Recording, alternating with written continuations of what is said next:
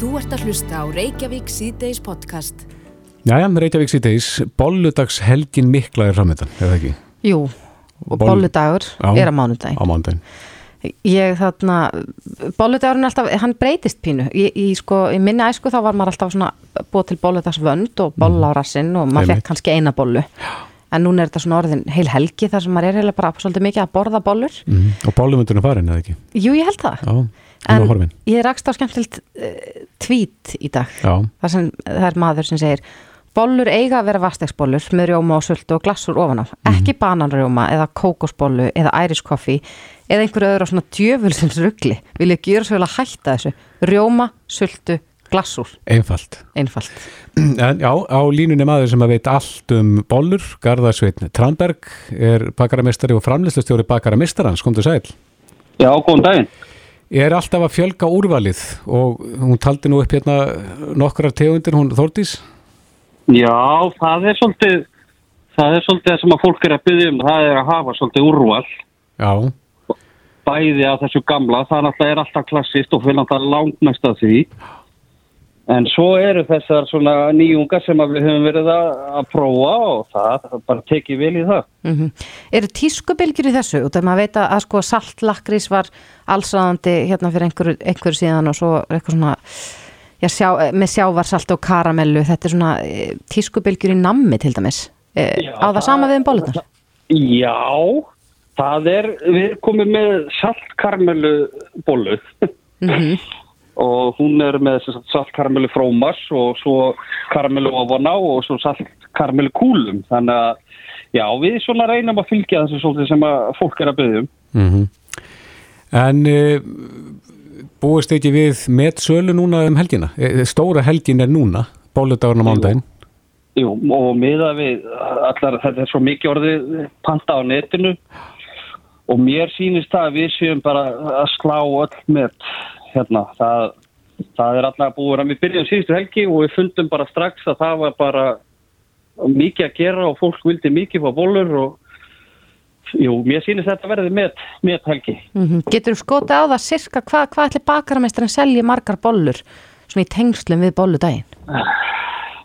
Sko það er nú, við erum með einhverja keppni á Instagram, ég, ef ég segi það sko þá, þá er einhver búin að vinna núna en ég held að við förum í svona, við förum nálagt 70.000 bollum sem sagt hansbrautaði með rjóma og öllum þessum tegundum. Já, Þá er ég að tala um helgina og alla vikuna og þessa helgi og mándaginn. mm En það er nú ekkert ígjalant síðan að vastegsbollurna svona fóru að eh, hérna, verða meira áberandi. Er, eru þær komnar fram úr? Það hefur verið undanfæri nára, gerbólan hefur verið að hverfa. Já, og, og ég mann þegar ég byrjaði þessu þá var hún, uh, þá var miklu meira að geta henni. En við tókum sagt, þessa hefbundnu gerbólu út en byggum til uh, sagt vínabröðsteg mm bara nákvæmlega uh, degi sem vorst að nota til þess að búti vínabröð og við erum með, reyndar einn klassi sem við erum búin að vera með í mörgar en svo var uh, púns rombólan gerðum svona uh, já, vínabröðsteg með púnsi já. sem er algjörlega geggjuð.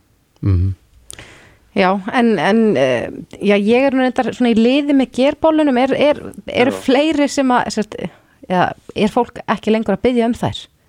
Er þær Nei, hverfandi? Það er, það er hverfandi.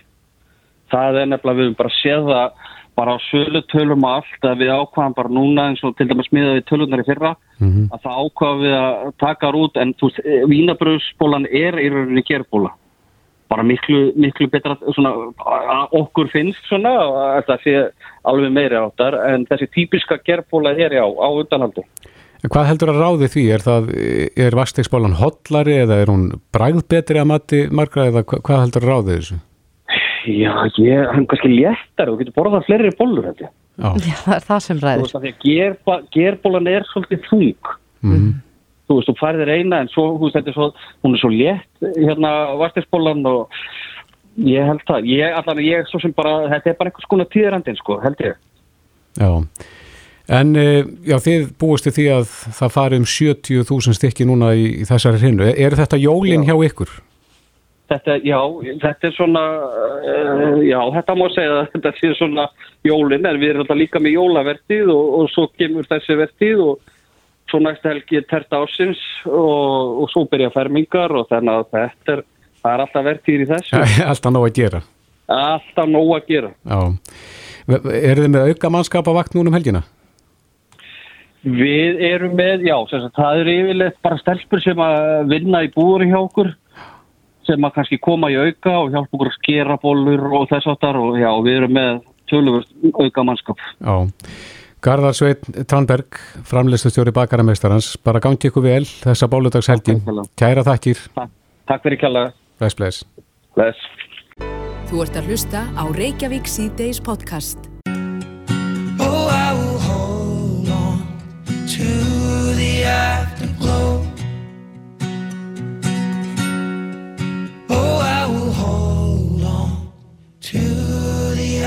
Afterglow. Reykjavík sýtis heldur áfram, þarna heyrðum við Ed Sheeran með Já. nýja lagið hans Afterglow. Já, hann er ennþá með þetta. Mm, En aðeins að uh, bólusetningamálum, Helga Vala Helgadóttir, uh, formaður velferðanemnda Þingsins, hefur uh, gefið það út að það sé mikið verk sem að býði við að fara yfir bóluefna samninga. Já uh, velferðarnemndin ákvaði morgun að samningar Íslenska ríkisins, ESB og framlegenda bóluefna verði skoðar af nefndafólki í þar tilgerðu herbergi á nefndarsviði alþingis. Já, Helga Val er á línu, kom til sæl. Sælverði. Af hverju þurfum við að fara yfir þessa samninga?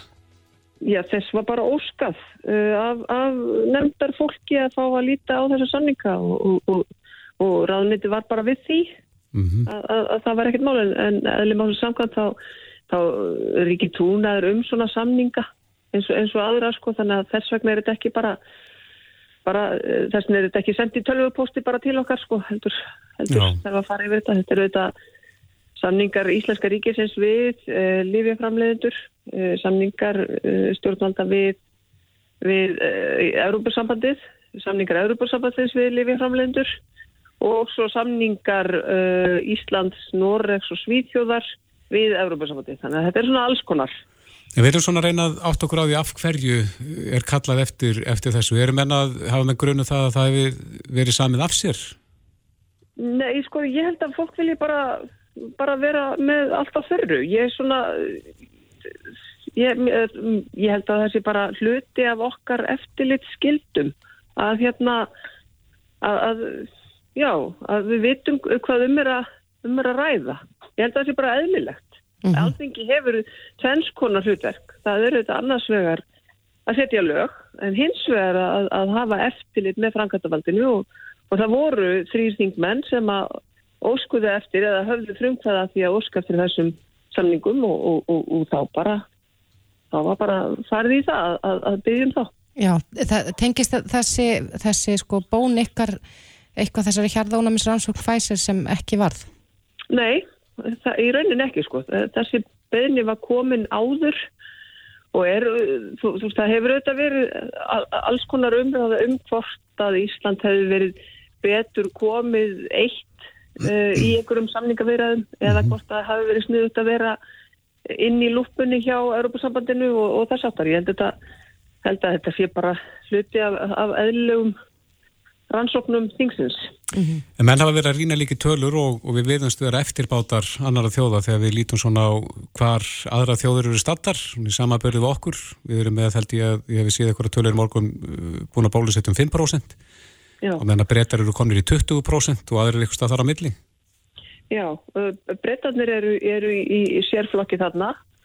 Uh, hvað var þar fjöldan sko. Uh, við auðvitað, þegar við höfum rýnt í samningana þá töluðum við líka um það að við myndum uh, kalla helbriðsandið enn og aftur á fund okkar þar sem að verður bara farið yfir þetta og við spyrjum þeirra spurninga sem að uh, svona kveiknuðu við, við lesturinn og allra annara spurninga. Við þetta erum öll forvitin að vita hversu langt voru þessi þessar samningavirðaður komnar og okkur strandaði varðandi þetta hjarðónami og það allt sko. En ég held líka bara þó að það sé óraunhæft og ósangjart að krefja stjórnvöld um nákvæma tímasetningu á bólusetningu þar sem það er ekki hægt að segja til um hvenar framleiðendur ná að afhenda en þá held ég að við, við munum öruglega reyna að fá eins, eins skýr svör og, og mögulegt er. En það er, það hefur alltaf verið pínu óþægilegt þegar að sko það koma mjög misvísjandi skilabóð frá ráðurum í ríkistjóðinni. Þetta eru misjant hver þeirra er með málið á sínum borði en, en þegar einhverju tala um að, að, að það veri bara búið að bólusetja meira hlutan hérna fyrir sumarið og aðrir í haust og ennaðrir í lokárs, þá verður þetta svona pínu svona, já svona, En, já, ekki, en. Helga, fylgist, með- fylgist þið í velferðnefndinni með því sko, eins og við vorum að ræða hér að, að við verðumst vera eftirbátara við erum ekki, semst, hlutfalslega er við að bólusetja færri en, en nágrannríki Já. okkar Það eru líka þær spurningar sem að við höfum borðið upp áður og munum gera líka þegar við fáum heilbyrðisráðandi til okkar. Spyrja nákvæmlega út í þetta. Hvað er það sem veldur því að það virðist vera þannig? Hvers vegna eru gerði samningar um 600 og eitthvað þúsund skamta eða það voru 530.000 skamtar? Hvers vegna eru að gera samninga um svona marga skamta þegar, það eru hvað 260.000 manns eða, eitthvað slíkt sem að verða bólusettir? og allar þessar spurningar þetta er bara, Já, en þegar þið hafið skoðað þessa samninga eins og um ræðir hér í fréttum að þetta verði gert í þar tilgerða herbergi um, hvað gerist svo? Hittið þið svo fulltrúa ráðuneytisins og, og farið yfir þetta? Já, eh, það er þannig að við fáum að hafa aðgang að þessum skjölum í einhver tíma, í einhverja daga því að uh, ég, við, þetta, ég veit ekkert hvernig þetta, þessi samningar líti út en ég veit að þeir eru margir og ég veit að hafandi lesið samninga áður í mínum fyrra starfi að þá gruna mig nú að, að þessi samningar séu kannski flóknir svona fyrir leik, leikmenn. Það er um að ræða að kaupa bóluefni en, en svo getur vel verið að þeir séu bara óskaplega einfaldir yfir lestrar og kannski verður maður hundsnöggur að lesa þá en hérna en það kemur í ljós hvernig það verður og svo bara fá fund með heilbriðsandum það hefur ekkit verið neitt, neitt flækjustig þar. Nei, þau En- bæði þrýeikið og, og heilbriðsandum hafa verið mjög, mjög duglega að heimsækja okkur sko. En hafa þessar vendingar, síðustu vendingar í þessu rannsóknarmáli eitthvað komið til umræðun í nefndinni? Það er ekkert hafa orðið úr þessari fæsir rannsókn? Nei, það er, það er hluti af þessum spurningum sem að við munum spyrja út í. Uh, eins og ég sagði á þann hversu langt voru þær viðræður komnar? Voru þetta flökkusögur eða voru við einhver tíman var þetta einhver tíman eitthvað raunhæft? Mér fannst það líka freka misvísandi. Mér fannst Þórólfur allan tíman verið að segja að þetta væru kjaftasögur og það væri ekkert að marka þessar kjaftasögur. Þannig að ég svona, veit ekki. Nei. Helga Vala, Já, ég, ég, ég hérna ég, þú veist, við, við reynum að velta við hverjum einasta steini og að sjálfsögur bara snýst þetta um ítrústu hagsmunni þjóðarinnar. Það, það er það sem að skipti máli fyrir okkur og, og við fylgjumst með. Velferðanend er á tánum í hverju skrefi þannig að ég er mjög fegin að við fáum allar þessar upplýsingar. Já. Helga Vala Helgadóttir, formaður velferðanemnda þingsins, kæra þakki fyrir þetta. Takk fyrir Hlustaðu hvena sem er á Reykjavík C-Days podcast. Reykjavík þess að bylgjunni klukkuna vantar rétt um 15 mínútur í 5 og við ætlum aðeins að snú okkur að frétt sem að ég veit að margir tóku eftir. En það eru eh, er þessi setni bólusetning hjá viðbrags aðlum eins og slekkulismönnum, sjúkraflutningamönnum og lauruglumönnum sem að hefur vært í aðtekli en þeir voru margir sem að ringdu síðan veika eftir þessa setni sprödu Já, og, og það segir hér í frétt að vísi að, að aðrir hafi verið lumbrulegir á vaktinni. Já, þeir sem að ringdu sér ekki en veika en, en þessi síðari, þessi síðari skamtur af, af bólefninu verist hafa farið svona nokkuð illa í fólk eða allavega einhverju aukaverkanir. Já. Á línunni er eh, Björn Rúnar Lúðvíksson, prófessor í ónæmisfræði og yfirleiknir ónæmislækning á landsbytalanum, kom til sæl. Já, góðan daginn. Er þetta óvanalegt, þar að segja svona stór hópur finni fyrir eh, þetta miklum einkennum og þurfa að ringja inn veika? Sko, það kemur mér óvart að e- e- ef að umfangið er eins og því lýsið því nú, náttúrulega eru nokkur hundur mann sem hafa verið bólusett undarfarna daga og það var sem að nú var vitað að við setni bólusetninguna sérstaklega hjá þeim sem eru sko hraustir og, og í og, og yngra fólki Mm að, að þá er, var heiri hætta á þessum almennu einkennum, það er að segja hitta og sleppleika og beinverkjum. Af hverju hjá hlustar í fólki? Já, það er bara vegna þess að það, meðan við erum ung og, og spræka þá er ónæmiskerfið okkar líka ungt og sprækt og, og, og tilbúin til stóróttaka og þannig að það fylgist eh, að og, og þannig að þarna eru rumverulega um hliðaverkun að ræða sem að eh, við búumst við og, og reynum að reiknum með. En, en það er hins vegar eh, sko finnst mér nú sko aðbyggisvert ef að ef að satt reynist að, að stór hluti fólks er óvinnufært. Það, það, það er náttúrulega veit ég ekki alveg en það má ekki gleyma því að það eru ansi stór hópu fólk sem var bólusettur en ég hugsaði nú að þetta sé nú kannski ekki meira hluti heldur, heldur einhver, einhver hluti fólk sem að færi ein, einkenni það er öruglega einhver drúur hópur fólksamt en það fólk verður bara að taka í rólega eftir sérstaklega þegar fær setni bólusetninguna og, og drekka vel og, og það er þá hægt að taka panodil og heita lækandi liv og, Mhm. og þetta gengur þó yfir á einu tveimu dugum.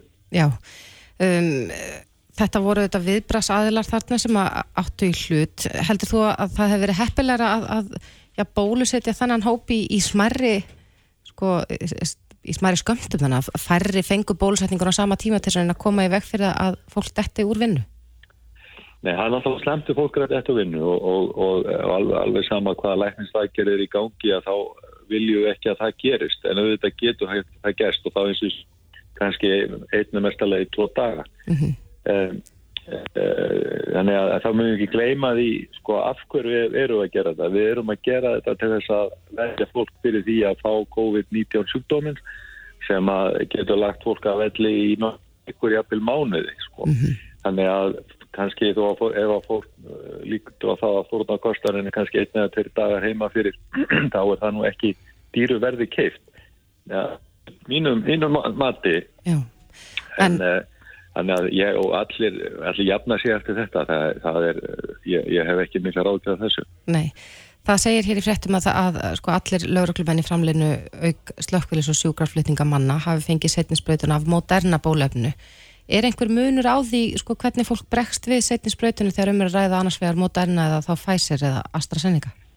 Það var umhverjulega ekki svona marktækt að segja það að millir þessara þryggja bólefna sem eru komin á markaðin við setjum sprautina hins vegar eins og ég sáð á vitum við það að, að e, sko fyrsta sprautana þá er svona verið að starta ónumiskjörna komið í gang og, og, og lær, kenna því að þekkja óvinnin þegar að setna sprautan kemur þá er hún farin að þekkja óvinnin og og, og nú er eh, þá bóluefninu sprautað inn og þeir sem eru komnir með gott svar og eru svona byrta svara, þeir fá enn kvöld að svara núna. Nú er ónumiskerfið komið á full swing og ætla að losa sig við þennan vágest í eitt skipti fyrir öll.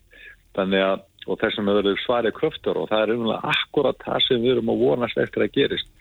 Þannig að þetta eru að, að, að sko að sumuleiti að segja að þú var að segja sé, sé hérna, svolítið grypt að segja að þá er þetta nánast það sem við myndum vonast eftir en auðvitað viljum við ekki að fólk þetta vinnu, það er, það er ekki þannig en, en það gerist óhjókvæmulega í einhverju tilvikum og, og, og vonandi er það í, ekki meir ég efast um að það sé meir Já. Gott er, láta þetta næja sinni, Björn eh, Rúnar Lúðvíksson, eh, professor í ónæmisfræði og yfirlæknir á ónæmis, eh, yfirlæknir ónæmislækning á landsbytalan, kæra þakki fyrir þetta. Minnstamáli, hafðu það gott. Reykjavík síðdeis á bylginni. Nú er þeim lokið þessum bráðstjæmtilegu þáttum á stöðu 2, kjöt ætur óskast.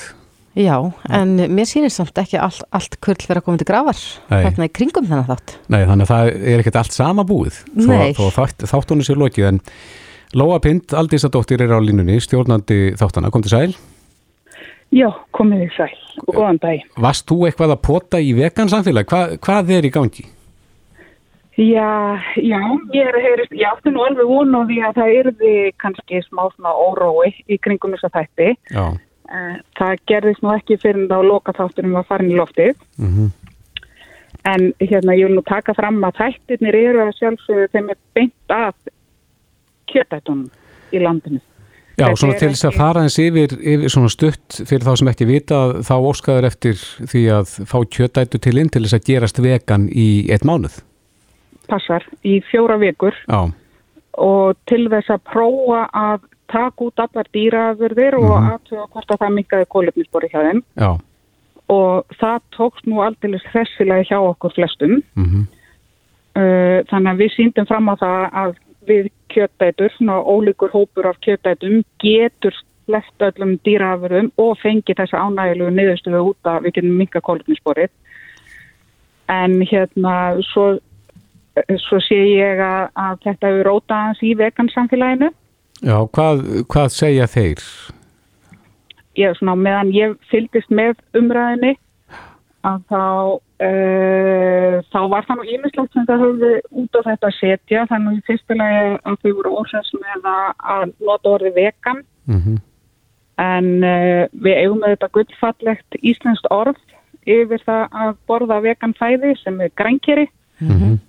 Og, og ég notaði það í öfnum höndum í þáttunum en hins vegar er það bara þannig að allavega í svona uh, eftir því sem mér hefur sínst að vegan er útbreytar á orð yfir grænkirafæði þess vegna notaði ég vegan meira Mhm. en já og svo En af hverju er fólk svona viðkvæmt fyrir að nota þetta orð vegan, Lóa? Ég, er ykkur engaréttur á því eða hvað? Ég, að, sko það er nú kannski einhver annar en ég að svara því en ég held Já. að það snúist um að, að þetta er svona viðtækari hugmyndafræði en bara það sem snýra matvælunum Já, já, einmitt. en ég, en ég hefði nú haldið að, að uh, veganistar ættu að glefjast yfir því að kjöta þetta sé að prófa veganfæði og hvetja aðra til að prófa það. Akkurat. Það voru nú ein, einhver svona þarna orðaskipti þarna inn á, inn á Facebook-hóp og það var meðal annars sagt að þættirni væru uh, að einblýna á hvað veganismi væri glataður, svo ég nota þeirra orð.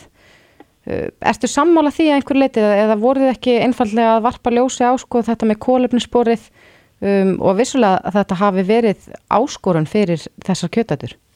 Já, sko, uh, við var, vorum náttúrulega ekki á nokkuð nátt að einblýna á að veganistar væru glataðir.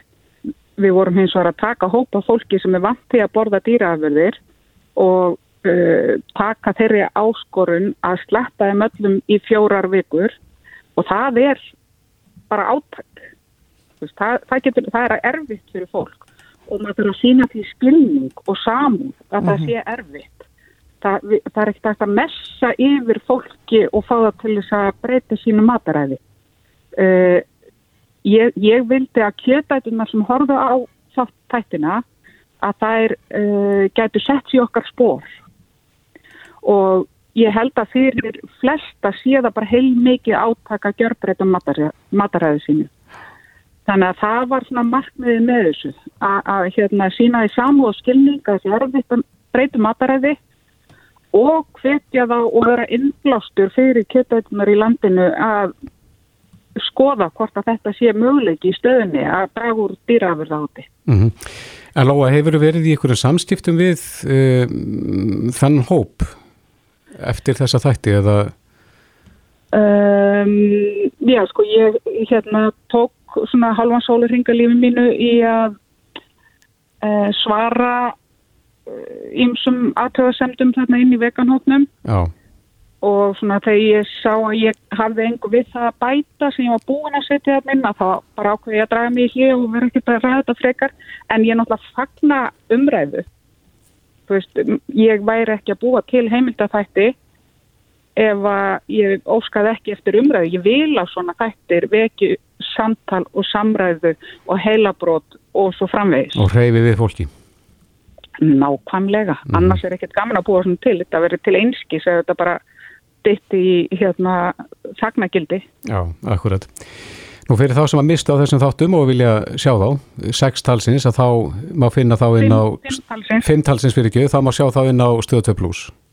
Passar. Já. Lóa Pind, takk fyrir þetta og, og góða helgi. Já, takk sem leiðis. Þetta er Reykjavík C-Days podcast. Jæja, Reykjavík Seytiðis heldur áfram. Það voru nú ákveðnar gleði fréttir. Við, mér finnst við eh, svona í auknum mæli vera að fá góðar fréttir sem tengjast þessum heimsfaraldri. En í dag var ákveðið að færa almannavarnar stig úr neyðarstigi niður á hættustig vegna faraldursins. Og þetta, sko við höfum verið á neyðarstigi síðan 4. oktober á síðast ári. Já, og mörgum finnst kannski ekki að vera ástæða til þess. Staðan hefði nú verið betur landinu heldur en akkurat það orð gefið til kynna en Víður Einarsson, yfirlörglu þjóðnir á línu, kom til sæl. Komið þið sælumlesu. Já, hvað þýðir það að ástandi sé núna komið á uh, hættustig fyrir eitthvað neðastig? Sko þetta er uh, hugtökum sem að skilgreina viðbúnað almannavarna. Þetta er ekki, þetta er ekki til dæmis það sem að mm, er notað í mörgum ríkjum það sem er svona líst yfir neyðar, það sem ríkistótt lýsir yfir neyðar ástandi, svona declaration of emergency eins og oft sagt, á ennsku. Þetta er ekki, ekki þannig og við höfum ekki lög um slíkar aðgerðir. Þetta eru sagt stegskiptingar almanvarnar aðgerða og fer eftir, eftir ástand og alvegleika og, fara upp og nýður og eru, eru hérna bara byggðar á því og eins og, eins og við erum þess með í dag, við erum með hansi margar aðgerðir opnar, Eh, COVID er eitt, eh, jarðskjálta og órói og er annað, jökul svo fjöllum þriðja, þannig að þetta er svona feppar eftir hvernig staðan er á hverjum tíma og hverjum stað hvaða stíg við erum að nota, þannig að þetta svona lýsir bara því að, að viðbúnaður almannavarna er verður heldur minni þó hann sé mikil heldur en heldur en eru. Þetta hefur engin lagalega áhrif, hefur engin áhrif á almenninga en eitt slíkt. Þetta er, eru þeir sem hafa hlutverk viðbarasáðin um heimsvarður sem þetta skiptir svona mestu máli fyrir. Já, það var mikið talað um hér á, á síðustu mánuðum þetta litakóðakerfi sem var innleitt en síðan hefur maður heyrt afskaplega lítið af því. Já, þetta er svona eitt af því bara sem við vorum að gera tilrunni með og reyna og, og þetta er alveg örglega eitt af því sem hefnaðist ekki eins vel eins og við vildum. Þannig að, að við erum bara til að taka endilega okkur um hvort að við ætlum að reyna að laga það í þetta skiptið og reyna að aðlaga það betur eða hvort að við bara hættum notkunni, sko. Er En af hverju var það ekki notað? Var, var ekki... Já, þetta bara gekk ekki alveg nógu vel. Það, var, það voru svona ákveðnar, hugmyndir á bakveða sem voru ekki, að, voru ekki að virka alveg nógu vel og það var líka, það var svona, já, mis, hvað við segja, misjaflega hvað menn vildu fá út úr þessu. Við vorum svona fyrst og fremst erinn að horfa á einhvern fyrirsjónleika. Mm -hmm. Að mann geti ímyndið sér það þegar það væri verið að uh, herða eða slaka á aðgerðum hvað væri, hvað væri þá vantalegt. En mörgum þótti líka mjög sniðvægt að hafa svona mismöndi kannski liti eftir landslutum og það sem ástandi var mjög gott að þar væri þá kannski aðeins bjartari litur. Já, já, við sáum það reynda bara í þriði bylginni að, að hversu fljótt þetta breytist og í svona litlu landi með svona mikill umferð þá er mjög örfitt að þegar þú ert með heimsfæradur alltaf að lýsa einhvað eitt svæði, einhvað örgar heldur en einhver önnur eða slíkt. Þannig að þetta er svona eins og segja, þetta var svona uh, væntingar til kerfisins voru kannski aðra heldur heldur en voru þegar við fórum að, að stað með það og við þurfum bara að endur skoða þetta og læra þessu en, en þetta er allavega ekki að virka eins með þeim hætti sem við, sem við höfum hugsað okkur upphæði. Nei. En hvernig metur þú stöðuna í dag, Víðir? Við heyrðum að því áðana að við erum að fá fleiri bólaefna skamta en við gerðum ráð fyrir. Það hljóta líka að vera góða fréttir. Það er engin innilegjanda á sjúkrahús eins og staðan er núna uh, vegna COVID-19 smitts. Staðan er þetta góð. Ég held að hljóta með að vera sammáluð það að að það er orðin ansi margi mánuður ég hugsa við hefum ekki haft þetta góða stöðu síðan, síðan að við fórum að við höfum stundum að kalla þetta aðra og, þrið, aðra og þriðabilgina ég held að við hefum ekki verið þessari stöðu síðan að síðan að annabilgjan var að byrja í ágúst eða lók júli í, í, í hérna á síðast ári. Þannig að þetta er gríðarlega vermætt staða fyrir okkur og við sem samfélag þurfum að þurfum að læra reynslun okkar frá því í síðasta sumar og síðasta höst hvernig við ætlum að fara með þetta því að það er náttúrulega gríðalegur heimshaldur í gangi allt í kringum okkur. Og hann er miklu verri núna í löndunum í kringum okkur heldur hann var þegar Bilgjan var að fara að stað því okkur í haust. Þannig að ástandið er mjög viðkvæmt þó að staðan sé sko ónættilega mjög góð því okkur og við þurfum að, þurfum að njóta þess og, en, en fara á sama tíma varlega með þetta, þessi miklu verðmæti sem liggja í stöðinni Við erum fámenn þannig að það er kannski aðeins öðvöldar að eiga við kannski stöðuna hér heldur en í þessum miljóna löndum.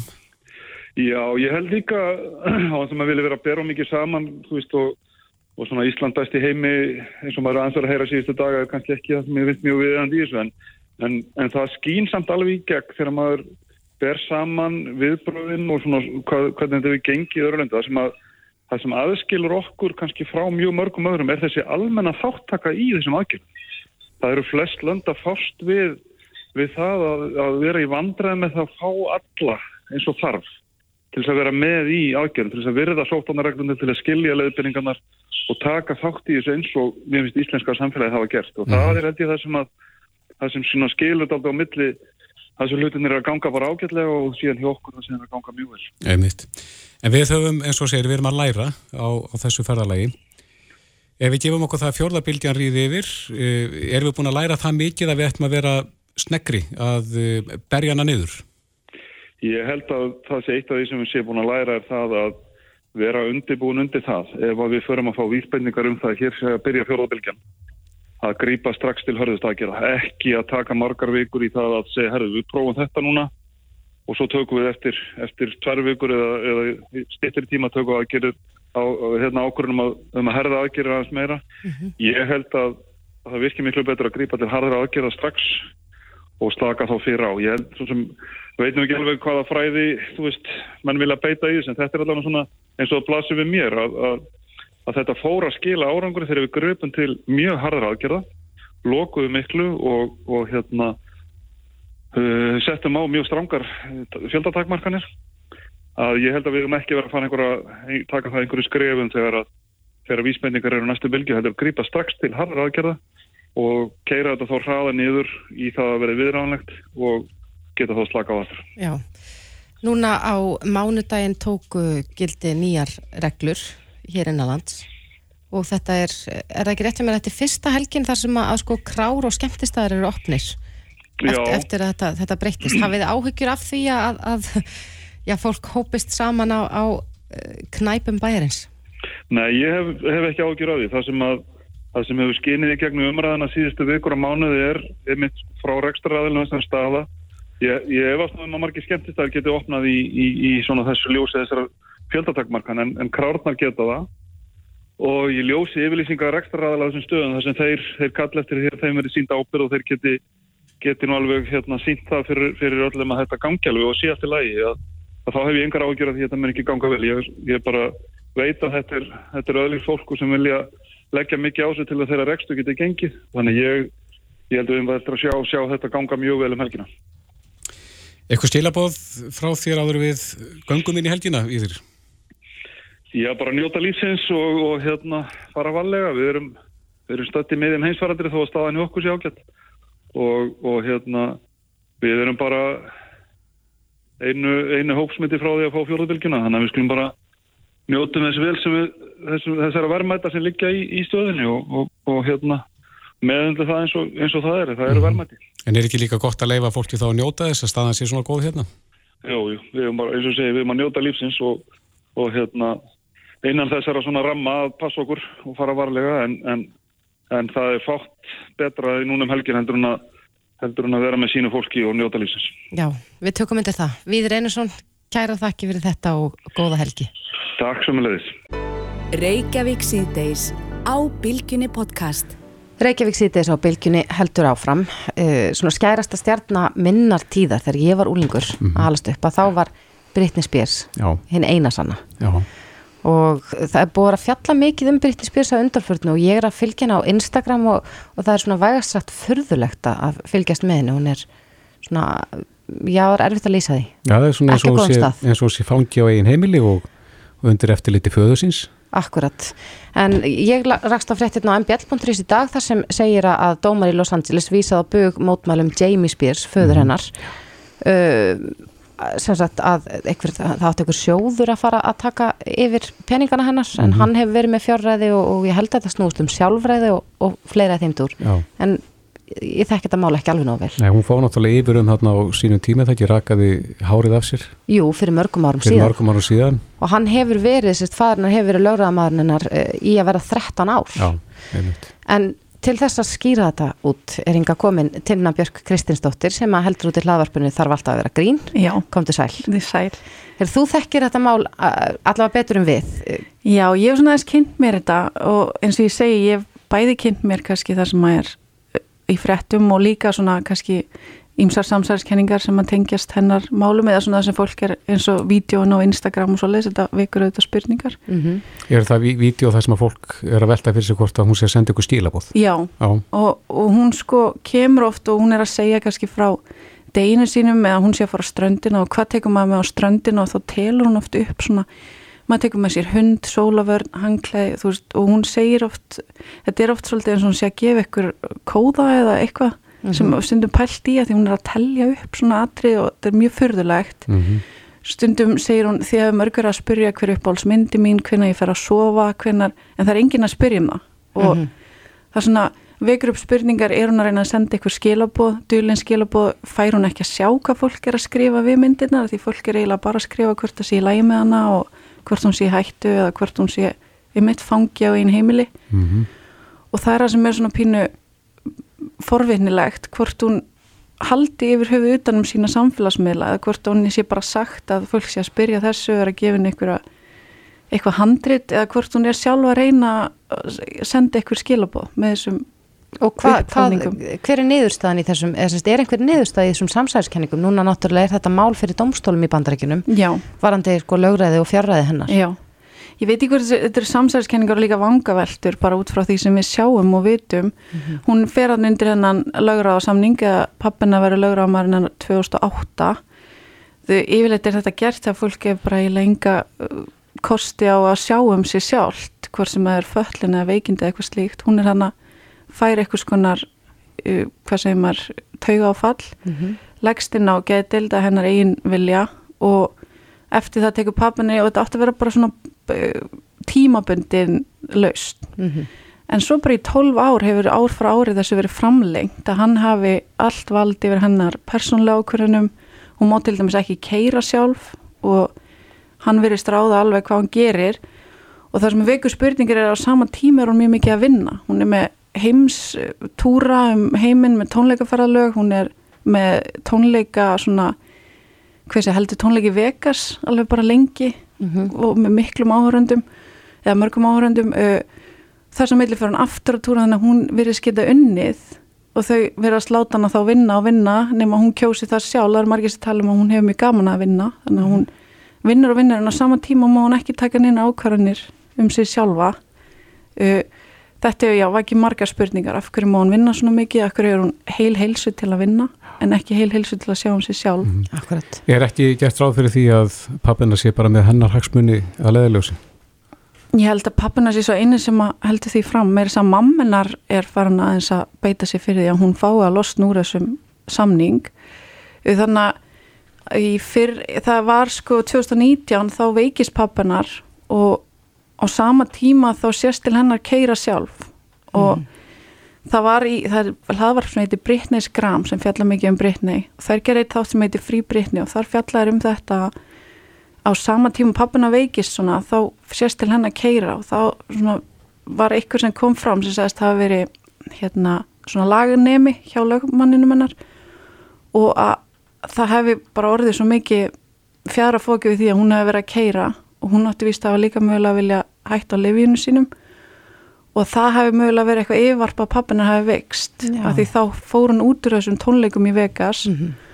Og lögmaðurinn hennar hætti sem var líka mjög undarlegt af því hann var nýlega búin að fá launahækkun áttir mikla hagsmun að geta að vera lögmaðurinn Já, þannig að það er alveg svona kannski skín í gegn að það er eitthvað eitthva undarlegt í gangi þarna. mjög en, núna í síðustu viku kom út heimildarmynd Mhm. um þetta mál og, og bara í raun og veru kannski aðeins um feril Brittany uh, sem heitir uh, freyming Brittany Framing Brittany og í raun og veru kjölfarið af því að þá fer þessi herferð svolítið aftur að stað þessi millumerkis herferð á samfélagsmiðlum Það sem undir, er það ekki frí Brittany? jú, frí Brittany hún hefur nú verið svolítið mikið í gangi en það eru svona kannski ákveðinir sem að halda henni svolítið gangandi en þarna kemur fram, ég er nefnilega var að spara mér að horfa á myndina, ég ætla að horfa með vinkunni þannig að ég hérna á eftir að sjá allt í það, Mhm. allt í henni en ég hefur samt heyrt að komi kannski ekkit mikið nýtt fram en uh, hún sem sagt virðist ekkit verið í góðum samskipt við pappa sinn, virðist ekkit vilja vera í þessum lögraða samning það var önnu, þegar þetta gerist þannig að pappina veikist þá tekur við konur sem heitir Jóti Montgomery